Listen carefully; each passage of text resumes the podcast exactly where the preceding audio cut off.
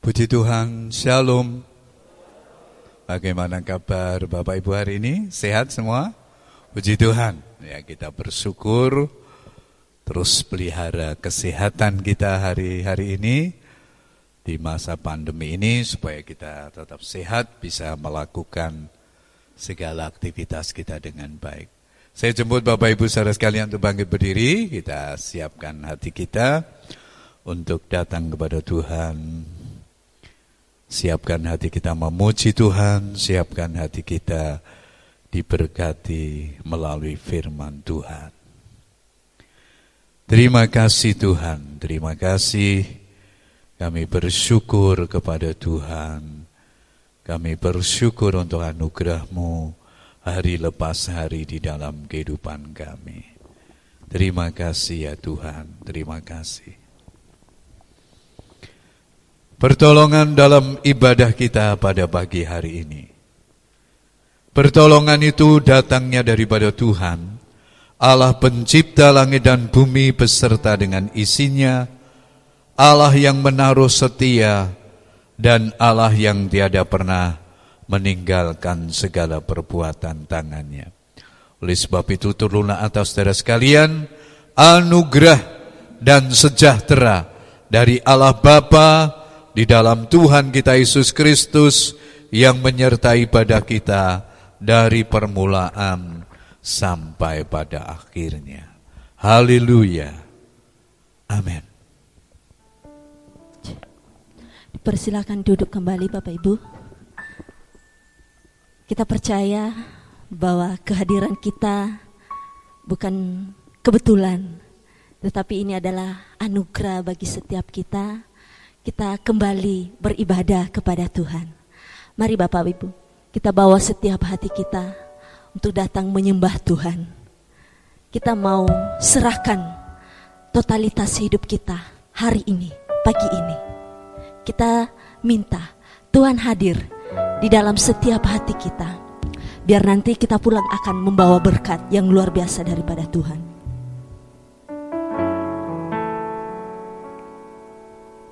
Ku datang Tuhan, sujud menyembahmu.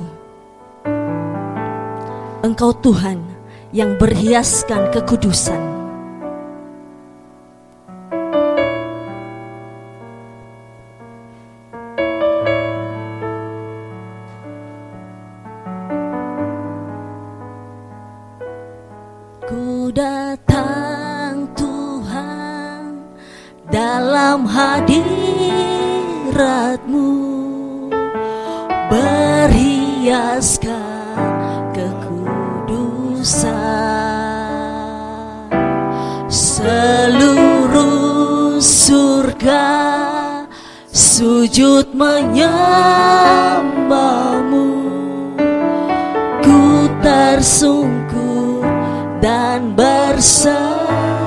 Sekali lagi ku datang Tuhan.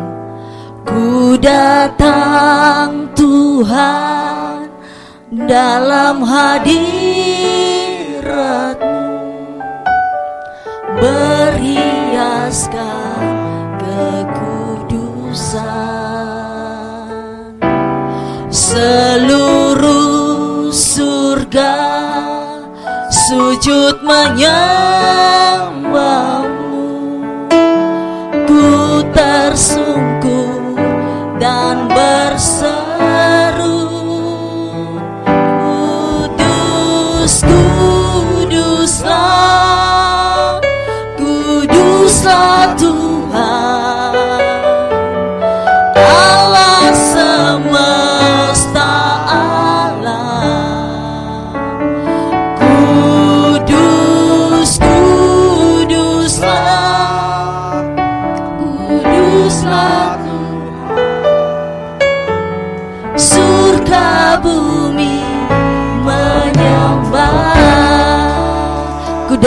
Tuhan.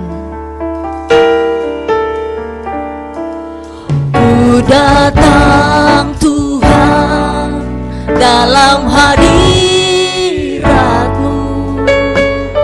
Berhiaskan kekudusan Amin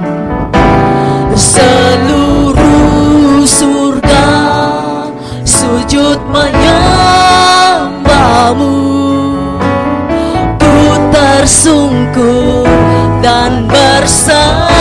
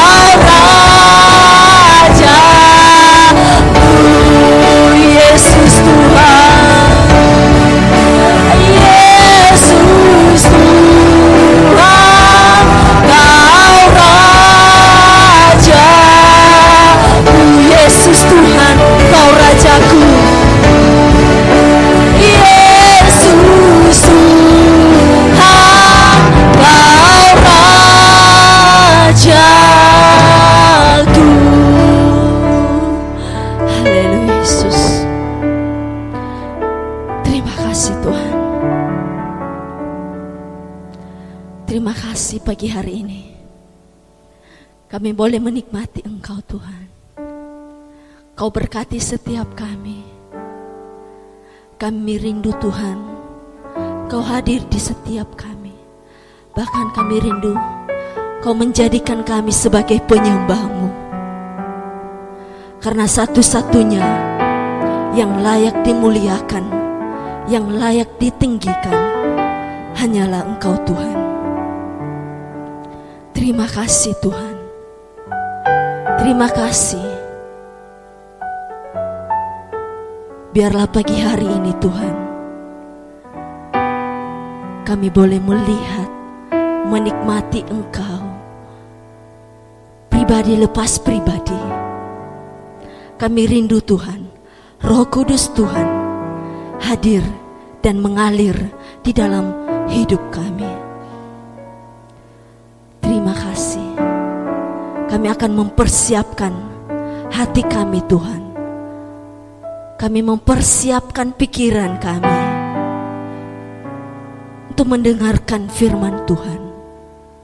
Urapi setiap kami dan pakai hambamu Tuhan. Berbicara kepada setiap kami melalui hambamu.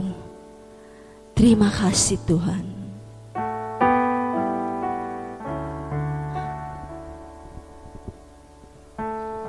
kita akan mempersiapkan diri kita.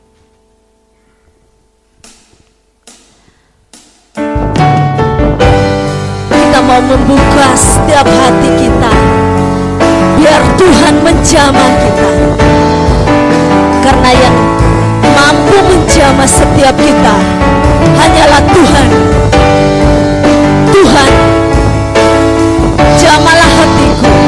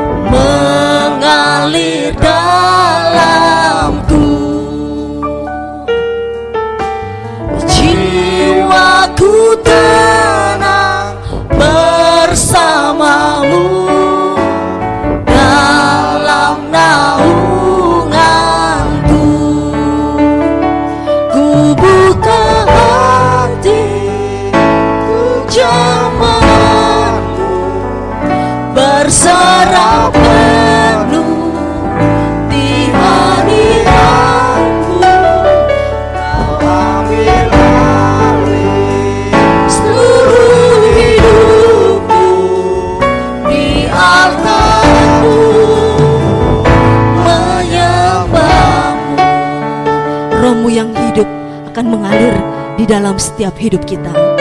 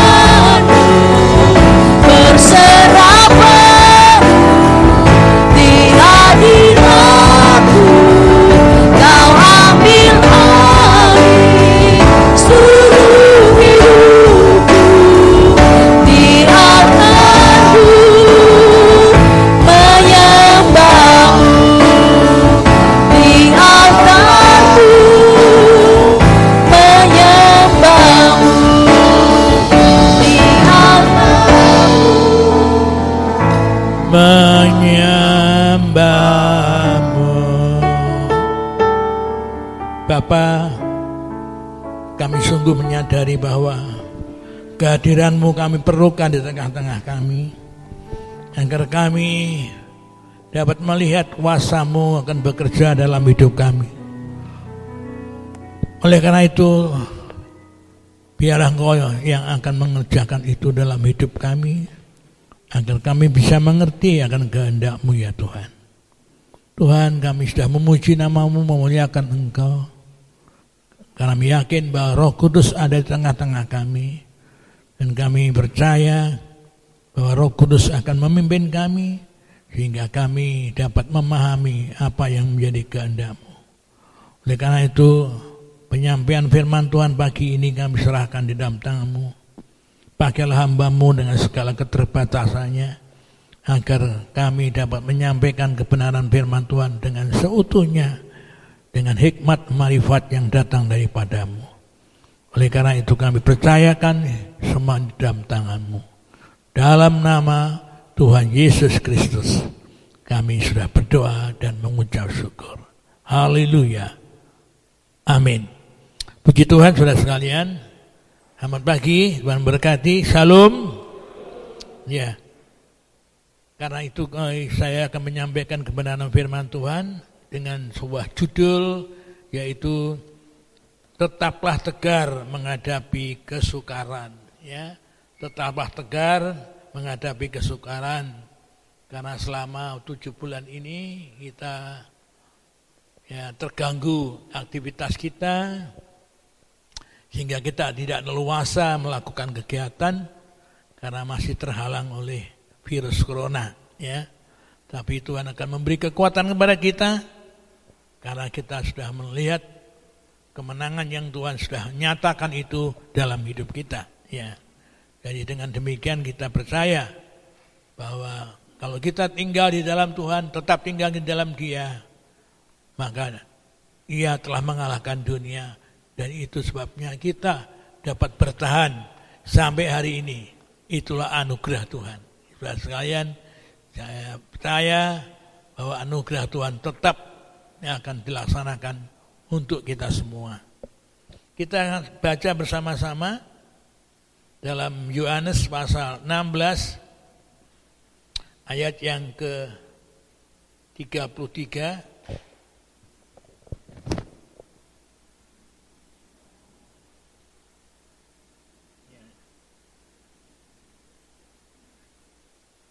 Yohanes 16 ayat 33 ya.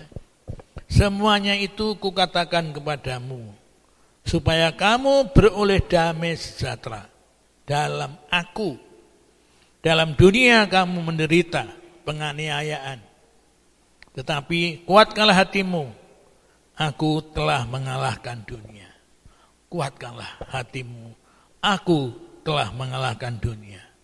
Inilah janji Tuhan yang sungguh menguatkan kita di dalam pencobaan segala penderitaan yang kita hadapi. Biarlah kita serahkan dalam Tuhan, Tuhan karena Tuhan sanggup melindungi kita dan menjaga kita. Saudara sekalian, karena itu kita harus melihat bahwa kemurahan Tuhan ini telah terjadi. Maka kita menyadari setiap kali kita mendengar ungkapan ya hidup ini adalah merupakan akan diwarnai oleh kelimpahan diwarnai oleh berkat Tuhan dan sebagainya. Maka itu akan sangat menyenangkan hati kita. Tetapi kalau kita menghadapi ya bahwa ungkapan ini uh, kiranya sudah akan bertahan dalam kemenangan. Karena apa? Ungkapan ini adalah kalau kita hidup dalam kesengsaraan itu, ya, dalam kesukaran, apakah kita mau? Tentu Sebagian besar tidak mau sengsara. Tetapi karena ini adalah bagian dari hidup kita, maka kita menyadari bahwa itulah yang harus kita alami. Ya. Maka itu kita akan belajar bagaimana firman Tuhan eh, eh, akan berkata kepada kita. Ya. Empat hal yang akan kami sampaikan pada saat ini adalah merupakan bukti bahwa anugerah Tuhan itu pasti akan terjadi. Ya. Yang pertama, kesukaran adalah tanda bila kita hidup. Ya, sekali lagi, kesukaran adalah tanda bila kita hidup. Itu menjadi tandanya. Bagaimana kesukaran-kesukaran itu akan terjadi? Memang hidup itu penuh dengan kesukaran. Tidak ada yang lepas daripada masalah persoalan. Hidup itu pasti ada kesukaran. Ya. Tapi kalau itu memang ada, kita harus menerima dengan ucapan syukur. Kita harus tabah hati, menerima dengan penuh kesabaran. Inilah kehendak Tuhan. Di mana kita hidup, mungkin air mata, ya, bisa terjadi, kesusahan bisa terjadi, kesukaran bisa terjadi. Ya, ini pemberitaan yang sangat menyakitkan ya. Oleh karena itu kita harus menerimanya dengan penuh syukur. Paulus berkata dalam satu Tesalonika, kita baca bersama-sama, satu Tesalonika, pasal yang ketiga, ayat yang ketiga, supaya jangan ada orang-orang yang imannya karena kesusahan, kesusahan ini. Kamu sendiri tahu bahwa kita ditentukan untuk itu. Jadi di manusia sebenarnya suatu fakta. Karena ada hidup maka ada kesusahan. Dan kita bisa menerima itu dengan hati yang penuh. Hati yang lapang, hati yang lega. Bagaimana kesusahan itu datang kepada kita. Ya.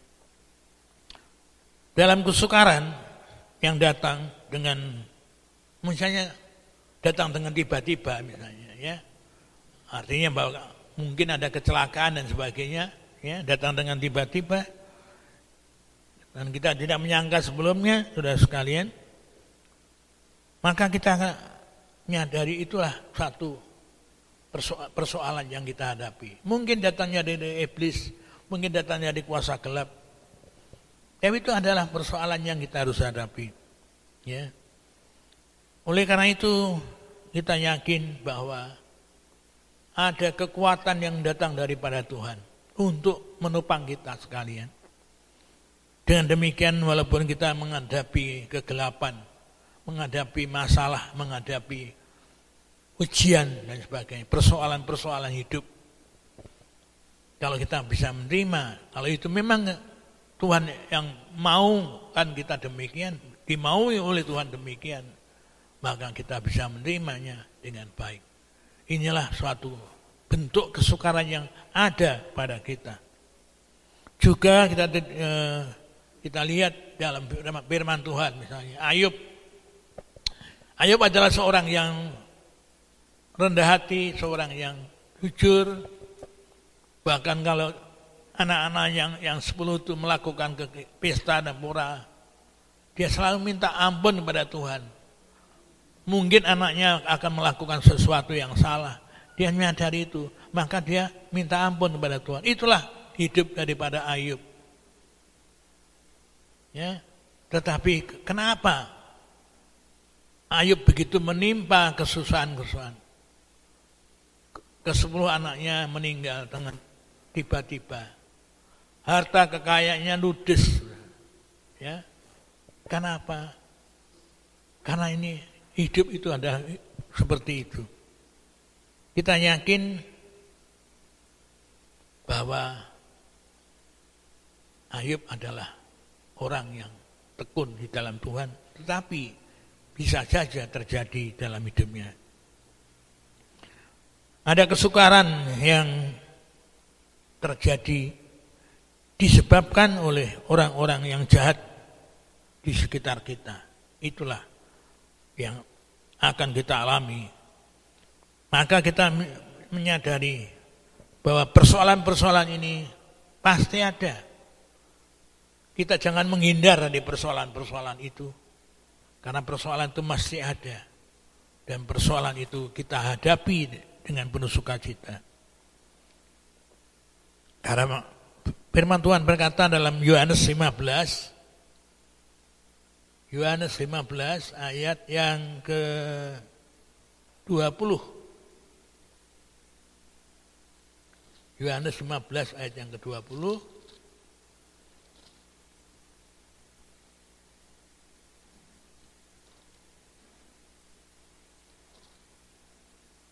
Ya. Ayat yang ke-20 ya. Ingatlah apa yang telah katakan kepadamu, seorang hamba tidak lebih tinggi daripada tuannya. Jikalau mereka telah menganiaya aku, mereka juga akan menganiaya kamu. Jikalau mereka telah menurut menurut firmanku, mereka juga akan menuruti perkataanku. Ya. Jadi kenyataannya begitu. Tuhan Yesus mengalami sengsara. Kita pun juga harus mengalaminya. Karena itu adalah menjadi kehendak Tuhan. Jadi kalau kita mengalami aniaya, kesukaran dan sebagainya, itu wajar. Wajar yang terjadi. Nah, sekarang ini selama tujuh bulan kita mengalami satu stagnasi dalam hidup ini. Tapi itulah kalau kita memahami itu memang Tuhan yang kehendaki, apa kita berbuat? Kita hanya menyerah, kita hanya berserah kepada Tuhan. Itulah yang paling penting dalam hidup kita. Kita menyandarkan diri kepada Tuhan dan Tuhan akan menyelesaikannya. Karena apa? Karena dunia ini sudah dikalahkan oleh Tuhan. Jadi kita yakin bahwa kemenangan yang Tuhan berikan itu akan memberikan dampak kepada kita supaya kita dapat menjadi menang dalam ke dunia, dunia ini. Itulah poin yang pertama. Kesukaran adalah tanda bila kita hidup. Kalau seandainya kita tidak hidup, kita akan tidak menerima kesukaran itu. Tetapi karena kita hidup, kita harus menerima kesukaran itu sebagai konsekuensi daripada hidup ini. Dan kita kalau bisa memahami dengan benar dan kita bersabar menunggu kehendak Tuhan, ya kehendak Tuhan itu terjadi, maka kita siap menghadapi kesukaran itu. Nah, ini poin yang pertama. Yang kedua, poin yang kedua adalah kesukaran adalah adanya perbedaan iman. Kita sebagai orang Kristen, sebagai golongan minoritas, ternyata kita menghadapi banyak tantangan-tantangan dari dunia luar. Ya. Apalagi sekarang sudah menjadi fenomena bahwa ada sedikit perbedaan ya, di kantor, di mana aja ada orang-orang yang pakai jilbab, jilbab dan kita tidak. Itu menjadi satu tantangan sehingga banyak kali orang yang tidak pakai jiblab juga pakai, akhirnya pakai jiblab juga. Ini adalah merupakan satu tantangan bagi kita. Dan tantangan yang kedua adalah ya rumah-rumah ibadah. Kita melihat bahwa di eh, Kararoto, di Jari Kararoto, ya, telah ditutup oleh karena kondisi umat-umat yang lain yang tidak senang kepadanya. Jemaat di mana itu eh, Karangroto dan mana yang Pak Pak Agus Pak Agus oh, oh, banget ayu ya banget ayu juga ya. Waktu itu adalah masa masa saya memimpin di sinode. Saya prihatin Bagaimana orang begitu antusias untuk menghancurkan gereja. Maka gereja sekarang tidak ada.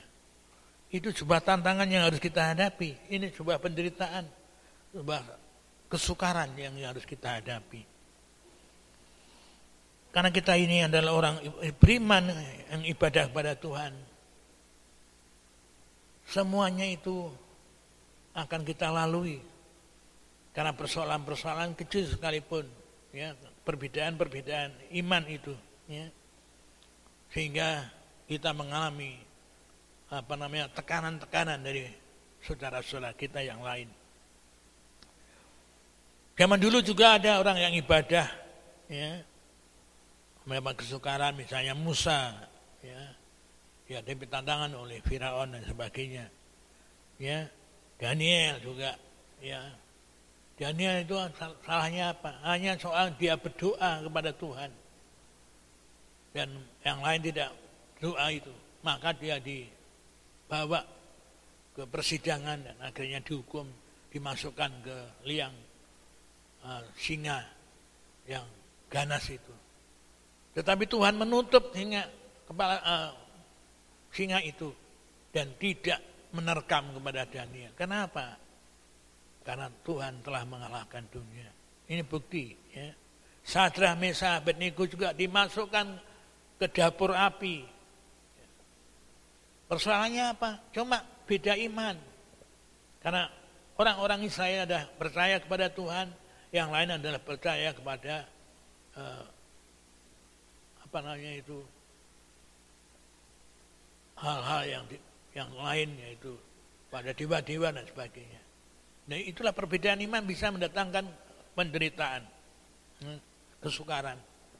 Karena itu kita menyadari hidup di dalam dunia ini harus kita lakukan begitu rupa supaya hidup kita baik di dalam dunia. Sehingga kesukaran itu tidak menimpa kita. Tapi kalau toh ada kesukaran-kesukaran dari perbedaan-perbedaan agama itu, itu wajar yang kita menyadari. Bahwa itulah ya, hidup karena kita harus diasingkan oleh dunia ini. Kesukaran-kesukaran juga karena ibadah kita dialami oleh Yesus Kristus sendiri. Dia punya pandangan yang berbeda, punya pandangan benar. Dia telah mengusik agama Yahudi dan sebagainya. Dia telah melanggar hukum Taurat, eh, artinya dia uh, tidak menghargai ya hari Sabat dan sebagainya. Karena hari Sabat Tuhan Tuhan Tuhan telah memberikan kesembuhan pada orang sakit, sehingga itu menjadi apa namanya pergumulan bagi orang Yahudi dianggap Yesus itu melawan dari hukum Yahudi. Dengan demikian maka Yesus senantiasa dicari-cari kesalahannya dan diusahakan bagaimana dia dapat dibinasakan. Akhirnya juga Yesus akhirnya disalib, disengsarakan, di dihina dan diludai. Ini adalah penderitaan yang diajarkan oleh Tuhan Yesus. Oleh karena itu kita harus harus merasa bahwa penderitaan yang ada di dalam dunia ini kita meneladani Yesus. Yesus bukan kita uh, kita, kita harus contoh dalam hidupnya. Kalau Yesus siap sengsara karena imannya kepada Tuhan. Kita harus siap juga sengsara dalam iman kita kepada Tuhan. Penderitaan karena ibadah orang lain itu adalah merupakan satu konsekuensinya. Jadi kalau kita tinggal sebagai orang minoritas maka itu akan menjadi hambatan bagi kita. Ya. Sudah sekalian. Oleh karena itu kita percaya bahwa karena iman kita, kita percaya bahwa Tuhan telah mengalahkan dunia ini. Sehingga kita dapat bertahan dari segala tantangan-tantangan dunia yang tuh dinyatakan itu. Ya. Poin yang ketiga adalah kesukaran karena karunia Allah. Bagaimana kesukaran kok sebagai karunia Allah? Sangat tidak mungkin ya. Karunia Allah itu adalah yang baik-baik yang nah. tapi ke, tapi kesukaran adalah karunia Allah. Ya. Karena apa? Ah, kita berkata hal-hal yang hal-hal ini menjadi karunia Allah. Hal-hal yang tidak menyenangkan juga sebagai karunia Allah. Karena Allah punya maksud. Karena Allah punya rencana dalam hidup kita. Maka kita mengalami uh, kesengsaraan itu. Tetapi kesengsaraan itu kita harus anggap sebagai karunia Allah. Ya.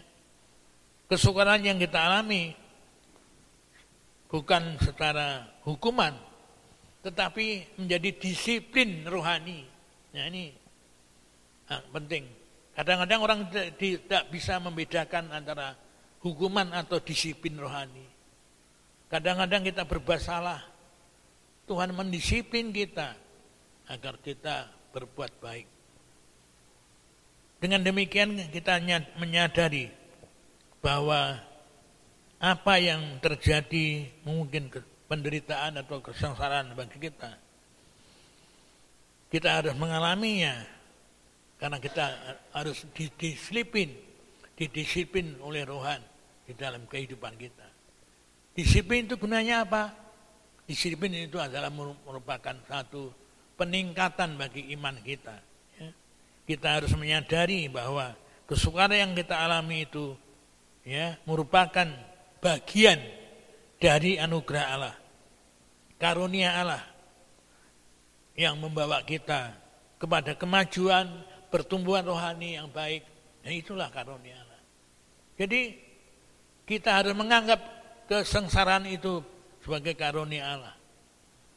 Karena ini adalah sebagai berkat Tuhan. Kita tidak menjadikan itu sebagai ancaman, tetapi sebagai tantangan hidup kita supaya lebih meningkat, lebih meningkat rohani kita. Saudara bisa memahami ini? Karena ini adalah merupakan satu hal yang lain. Kita anggap bahwa karunia Allah itu yang baik-baik. Tetapi kesukaran pun karunia Allah kepada kita untuk mendisiplin kita supaya kita lebih meningkat dari segi rohani. Ya, ini adalah merupakan ujian bagi kita. Oleh karena itu, kita men, akan menerima kesukaran ini sebagai ucapan syukur pada Tuhan. Karena kesukaran yang kita terima itu akan membawa kita ke dalam hadirat Tuhan sehingga kita lebih maju, lebih meningkat rohani kita, lebih dalam ya ke dalam kehidupan rohani kita. Itulah tujuannya. Jadi kita harus menganggap bahwa kesukaran itu adalah karunia Allah. Ya, karunia Allah. Ini ada hal yang ketiga. Hal yang keempat. Kesukaran itu adalah teladan yang Yesus Kristus ajari kepada kita. Ya, teladan. Ya. Kalau agama agama agama lain menjadikan teladan bagi tokoh-tokohnya ya. kita juga harus, harus belajar ini bagaimana Yesus telah meneladani memberikan contoh ya, kepada kita apa pun yang kita kerjakan baik itu secara jasmani atau rohani kita harus belajar eh, menuruti ya, menurut pimpinan daripada Tuhan ya sehingga kita dapat melakukan itu seturut kehendak Tuhan. Dengan demikian kita yakin dan percaya bahwa kalau kita belajar seperti Tuhan, kalau Tuhan mau menderita karena kita, kita pun akan belajar bagaimana penderitaan itu akan terjadi dalam hidup kita. Kita ikut, ya kita ikut kepada Tuhan Yesus, bagian Mana dia mengajarkan untuk kita hidup dalam kesengsaraan. Ya. Eh, salah satu teladan yang Tuhan telah tinggalkan kepada kita adalah mengalami kesengsaraan. Satu P, satu Petrus dua, ya. Satu Petrus dua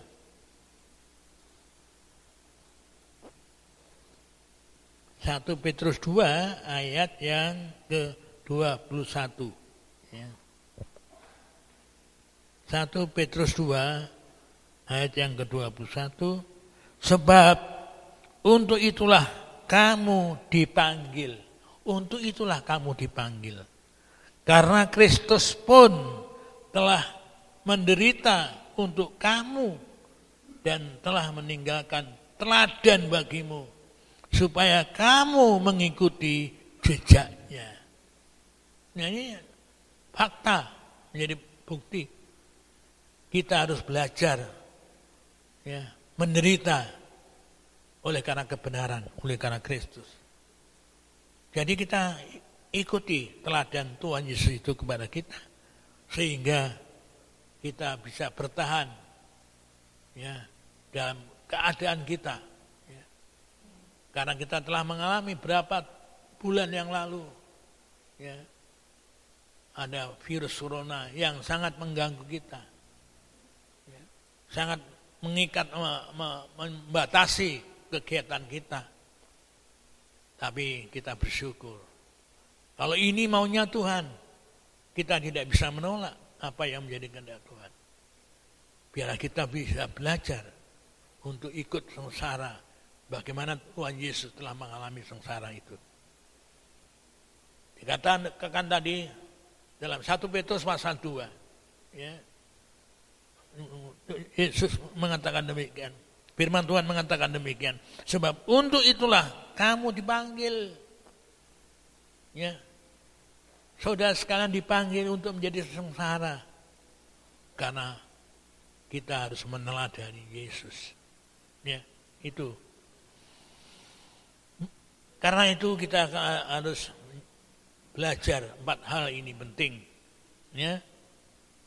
Karena kita kalau kita belajar memahami kesengsaraan itu, maka itu akan meningkatkan iman kita, akan menumbuhkan iman kita semakin hari semakin baik.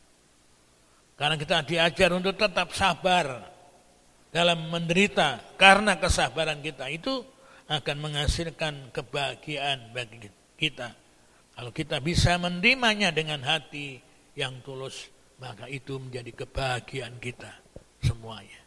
Sudah sekalian, kita mau ya tunduk kepada kehendak Tuhan. Walaupun memang terasa sakit, tetapi kita yakin bahwa Tuhan memberi kekuatan kepada kita sehingga kita semua bisa bertahan. Selama tujuh bulan ini kita pun telah bertahan. Tidak ada yang sakit. Itu semua semuanya adalah anugerah Tuhan. Karena Tuhan telah mengatakan bahwa dunia ini telah dikalahkan. Oleh karena itu kita berharap hanya Tuhanlah sebagai simbol kehidupan kita supaya kita semua dapat mengalami pertolongan-pertolongan daripada Tuhan. Kita menyadari pada umumnya kita tidak akan eh, apa namanya? Kita akan siap menghadapi tantangan ini. Kita akan siap menghadapi kesukaran ini. Jikalau Tuhan mengendakinya, ya, pasti kita diberi kekuatan oleh Tuhan. Kita yakin bahwa hari lepas hari persoalan ini akan selesai pada waktunya sehingga kita akan membuat kita lebih kuat iman kita, lebih bertumbuh iman kita sehingga kita bertahan sampai hari ini. Itulah berkat Tuhan. Oleh karena itu kita harus menyadari itu. Kita harus kembalikan kepada Tuhan. Ya, semuanya itu dikembalikan kepada Tuhan. Maka kesukaran yang kita hadapi, kalau kita menyadari kita hidup itu ada kesukaran, ada penderitaan. Memang itu faktanya. Kesukaran adalah karena kita beda dengan orang lain, sehingga orang lain sering kali memfitnah kita, menyalahkan kita dan sebagainya. Itu adalah sebagai ya konsekuensinya. Kita belajar bahwa kesukaran itu adalah merupakan karunia Allah. Ini adalah berkat Tuhan. Jadi kita harus mensyukuri karunia Allah ini. Karena kita mengalami kesukaran itu untuk kita diuji iman kita. Kita didisiplin iman kita. Sehingga iman kita semakin bertumbuh, semakin berkuat di dalam iman. Dan sekali lagi, kesukaran itu adalah ajaran Yesus agar kita melihat bahwa kita juga mengalami kesukaran karena kesukaran itu membawa kita meneladani sikap Yesus dalam hidup ini. Karena itu kita akan belajar bagaimana cara Tuhan menyikapi semuanya ini adalah kehendak Tuhan. Oleh karena itu kita yakin dan percaya bahwa kalau ada maksud-maksud Tuhan di dalam hidup kita.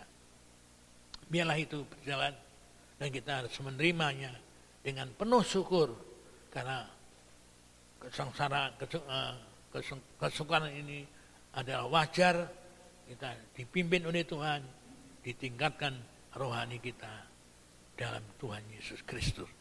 Haleluya. Amin. Ya. Marilah kita bersama-sama akan menyanyi indah rencanamu. Ya. Saya minta musik untuk tampil di depan. Indah rencanamu. Ya. Dan sekalian kita nyanyi bersama untuk untuk pujian ini ya. Indah rencanamu Tuhan ya.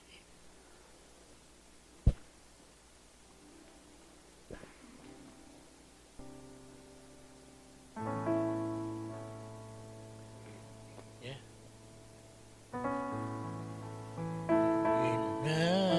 rencanamu Tuhan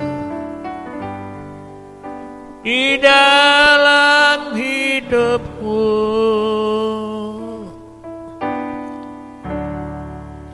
walau ku tak tahu dan ku tak mengerti semua jalanmu. Dulu ku tak tahu Tuhan. Berat ku rasakan Hati menderita Tahu tak berdaya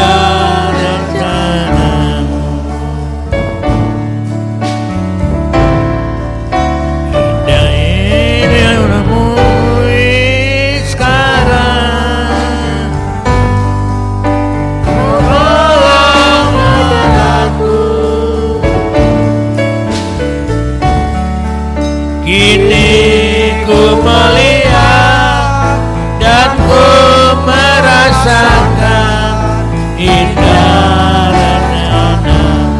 Kita nyanyi sekali lagi indah rencanamu.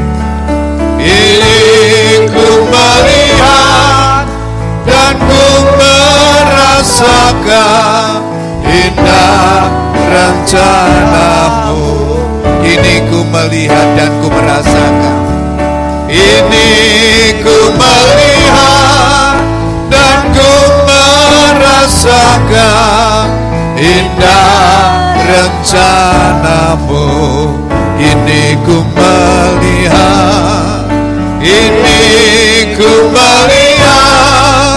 dan ku merasakan indah rencanamu.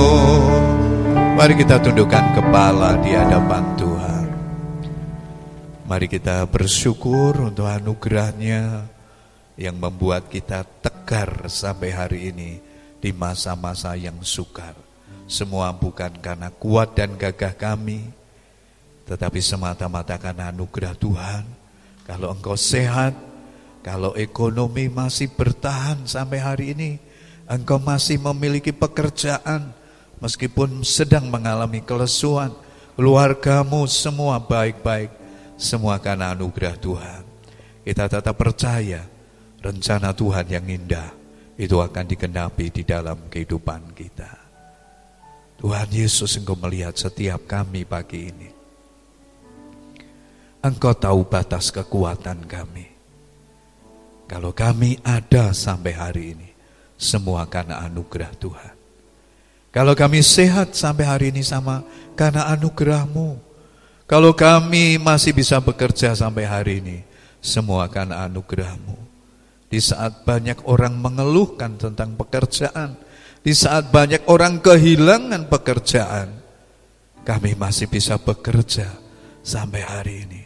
Kami bersyukur Tuhan di tengah-tengah kekurangan, Engkau memberi hikmat bagaimana kami mengatur keuangan.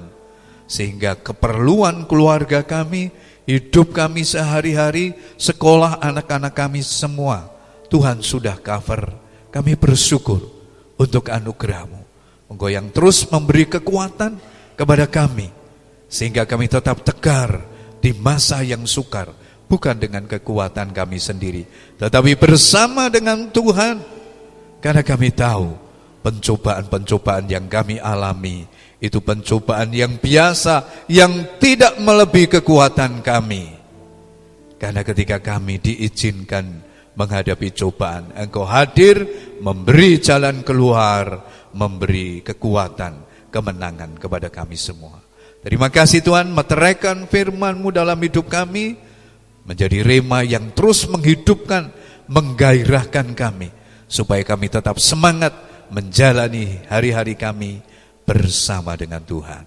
Terima kasih berkati hambamu, Bapak Pendeta Emeritus Andreas Kristianto yang sudah melayani kami, terus pakai hambamu menjadi alat kemuliaan Tuhan, menjadi teladan kami semua, hambamu yang sudah lanjut usia, pelihara dengan kesehatan yang limbah, sehingga hambamu boleh menjadi berkat bagi banyak orang di mana pun berada. Tuhan cukupkan pelihara hambamu dengan segala berkat dan kebahagiaan daripada Tuhan. Terpujilah Engkau, ini doa kami Tuhan. Dalam nama Tuhan Yesus kami berdoa. Amin. Puji Tuhan, silakan duduk kembali. Terima kasih Pak Andreas yang sudah menjadi saluran berkat bagi kita semua. Bapak Ibu Saudara sekalian, penting kita terus tetap menjaga stabilitas iman kita ya. Bukan hanya negara yang dipelihara yang harus stabil situasi politiknya, tetapi sebagai orang percaya iman kita juga mesti stabil supaya kita tidak kalah oleh keadaan. Jangan takut kesukaran. Amin. Pasti bisa kita lewati ya.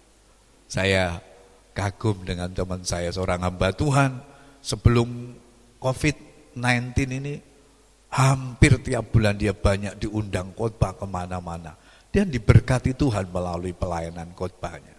Begitu ada virus corona ini, dia banting setir, saudara. Jadi petani. Wow. Karena rumahnya dekat dari Semarang ke arah selatan. Jadi tiap minggu berapa kali dia jadi petani. Istrinya bikin kue. Wow. Karena apa? Karena tanggungan hidup masih ada. Masih nyekolahin anak, masih nguliakan anak. Harus terus berjalan. Kalau tidak ada pemasukan di tempat lain pasti buka dari Tuhan pasti buka dari tempat yang lain. Ini yang harus kita jaga. Bukan berarti wah dulu saya dari pelayanan toh terus kemudian kita tidak melakukan apa-apa ya. Mari tetaplah kreatif minta hikmat Tuhan supaya Tuhan Tuhan Tuhan tolong kita. Saya harus kerja apa ya Tuhan? Ya. Saya sudah kali, sering kali cerita dari mimbar ini bagaimana seorang manajer yang perusahaannya bangkrut kemudian banting setir jadi penjual ayam chicken gitu ya. Apa itu fried chicken keliling dari rumah ke rumah ya. Ya itu karena hidup harus terus berlangsung. Tidak bisa kita hidup hanya terus dari BLT pemerintah. Kita tidak bisa hidup dari belas kasihan orang lain. Tetapi kita sendiri bersama dengan Tuhan yang harus menjalani hidup ini. Puji Tuhan, hari ini adalah hari terakhir. Ini Susmiati Rambulado ya. Teman eh Rambuloda ya. Maaf ya, Lado Loda. Rambuloda itu Ayu Ting Ting ya. Uh, rambuta karena di tempatnya Susmi ini yang pakai rambu banyak. Yang tidak ada rambu-rambu lalu lintas. Yang dulu pernah di sini Megawati rambu tamar. Apalagi rambu apa pokoknya yang pakai rambu di tengahnya ini banyak. Hari ini Susmi terakhir pelayanan satu tahun di tempat ini dan siang nanti dia akan kembali ke kampus besok akan pulang ke negaranya di Sumba Timur sebelum dia akan ditempatkan oleh STTKAO ke tempat peladang pelayanan yang baru karena dia ikatan dinas dari sekolah. Nah, dia ingin menyampaikan sepatah dua patah kata ya.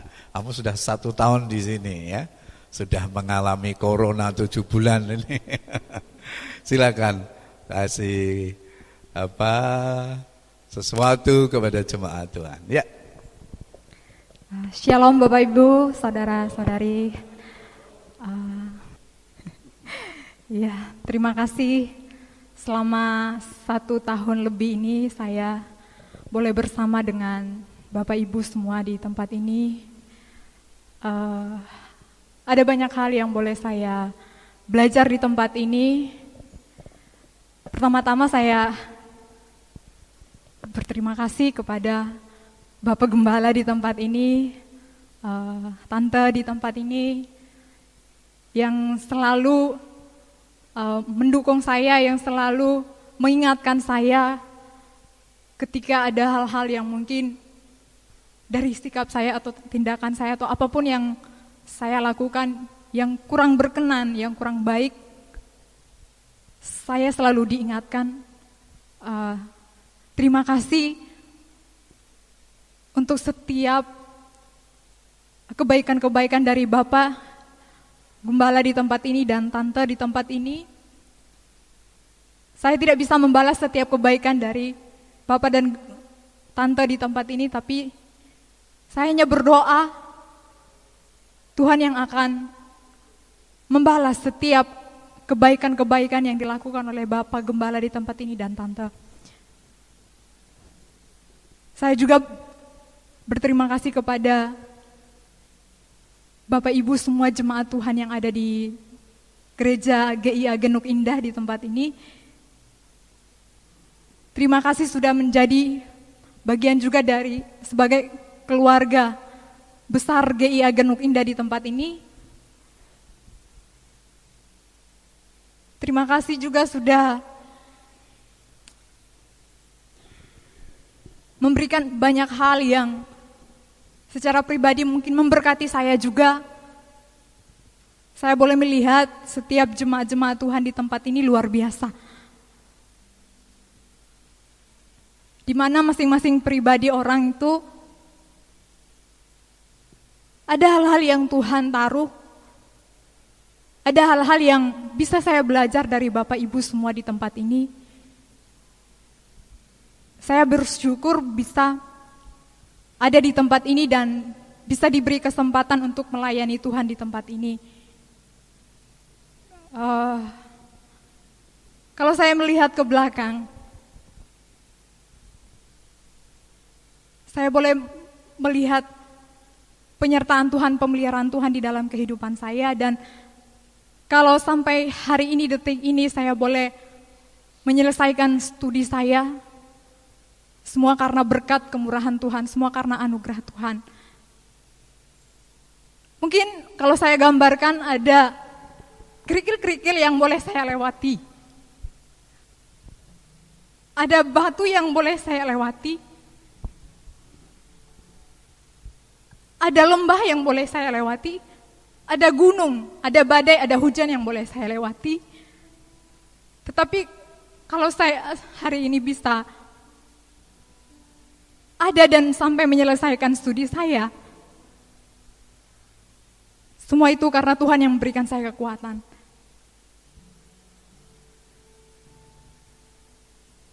Terima kasih untuk setiap kebersamaan dari Bapak Ibu jemaat Tuhan di GIA Genuk Indah di tempat ini tetap setia untuk mencari Tuhan.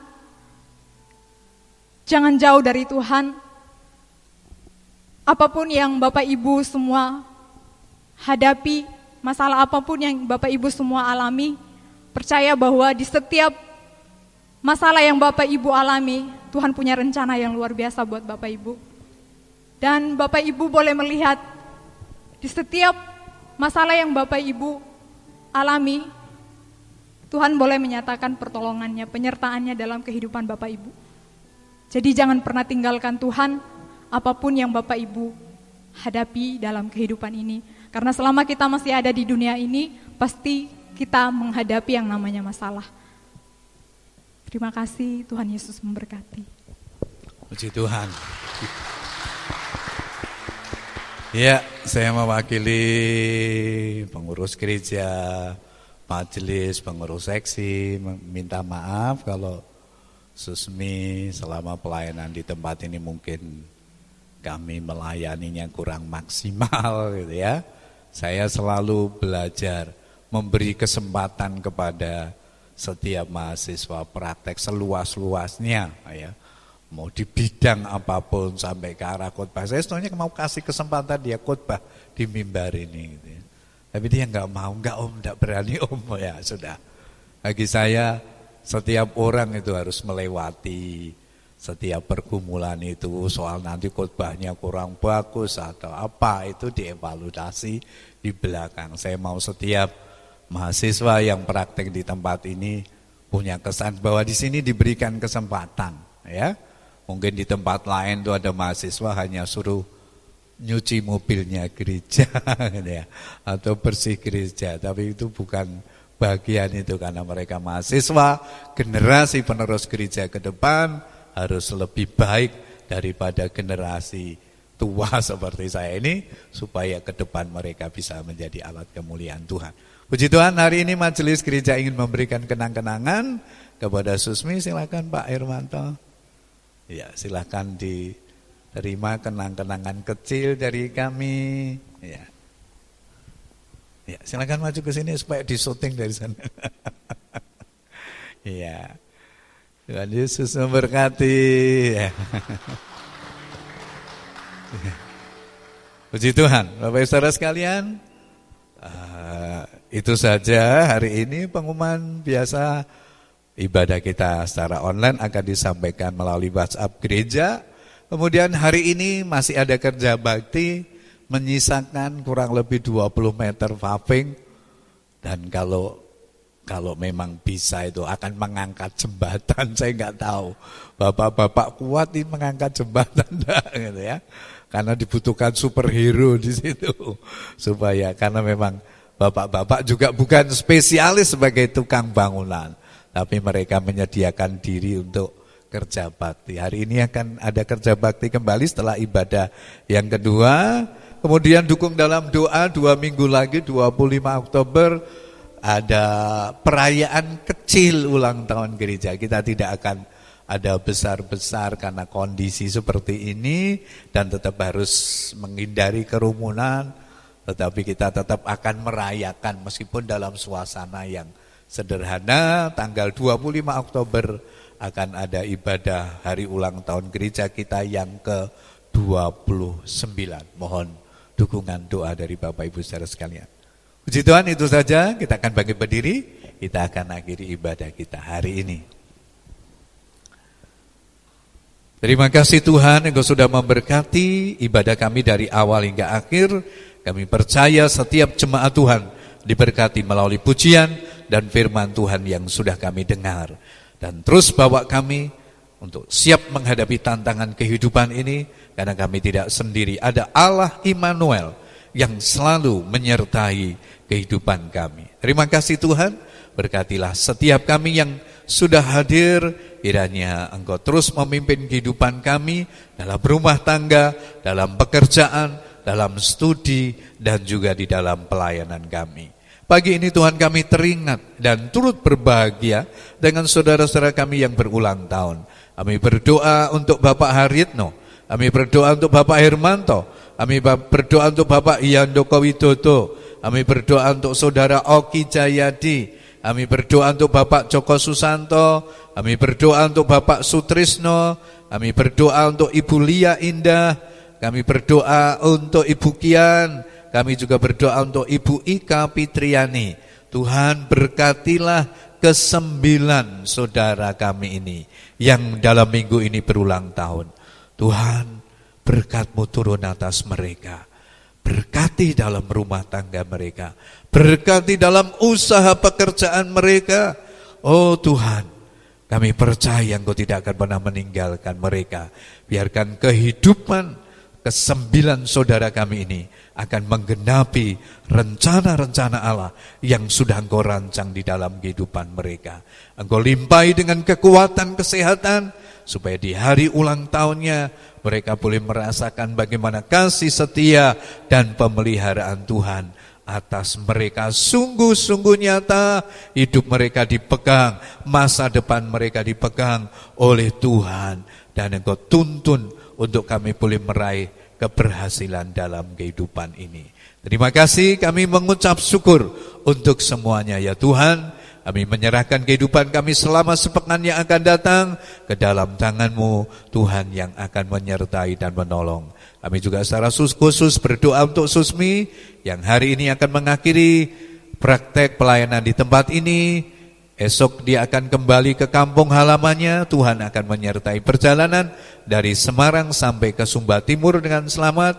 Bahkan setelah dia pertemukan, dia bertemu dengan keluarganya yang sudah lama dia tinggalkan untuk studi di STTKAO. Tuhan juga memberkati untuk pelayanan dia selanjutnya. Pakai dia lebih hari, lebih heran bagi kemuliaan nama Tuhan. Terima kasih kami bersyukur kepada Tuhan untuk semuanya. Sebentar kami akan tinggalkan tempat ini, pulang ke rumah kami masing-masing. Tuhan Yesus, kedangkan tanganmu atas kami semua dan berkatilah kami. Bapak Ibu Saudara sekalian dikasih Tuhan setelah engkau berbuat bakti di hadapan Tuhan. Sekarang pulanglah dan terimalah berkat Tuhan. Arahkan hatimu kepada Tuhan, tengadakan kedua belah tanganmu dan terimalah berkatnya. Tuhan memberkati dan melindungi engkau. Tuhan menyinari engkau dengan wajahnya dan memberi kepadamu kasih karunia-Nya Tuhan menghadapkan wajahnya yang kudus kepadamu dan mencurahkan berkat dari pagi hari ini sampai Maranatha Yesus datang kali yang kedua menjemput kita semua. Haleluya. Amin. Kiranya Engkau memberkati aku melimpah-limpah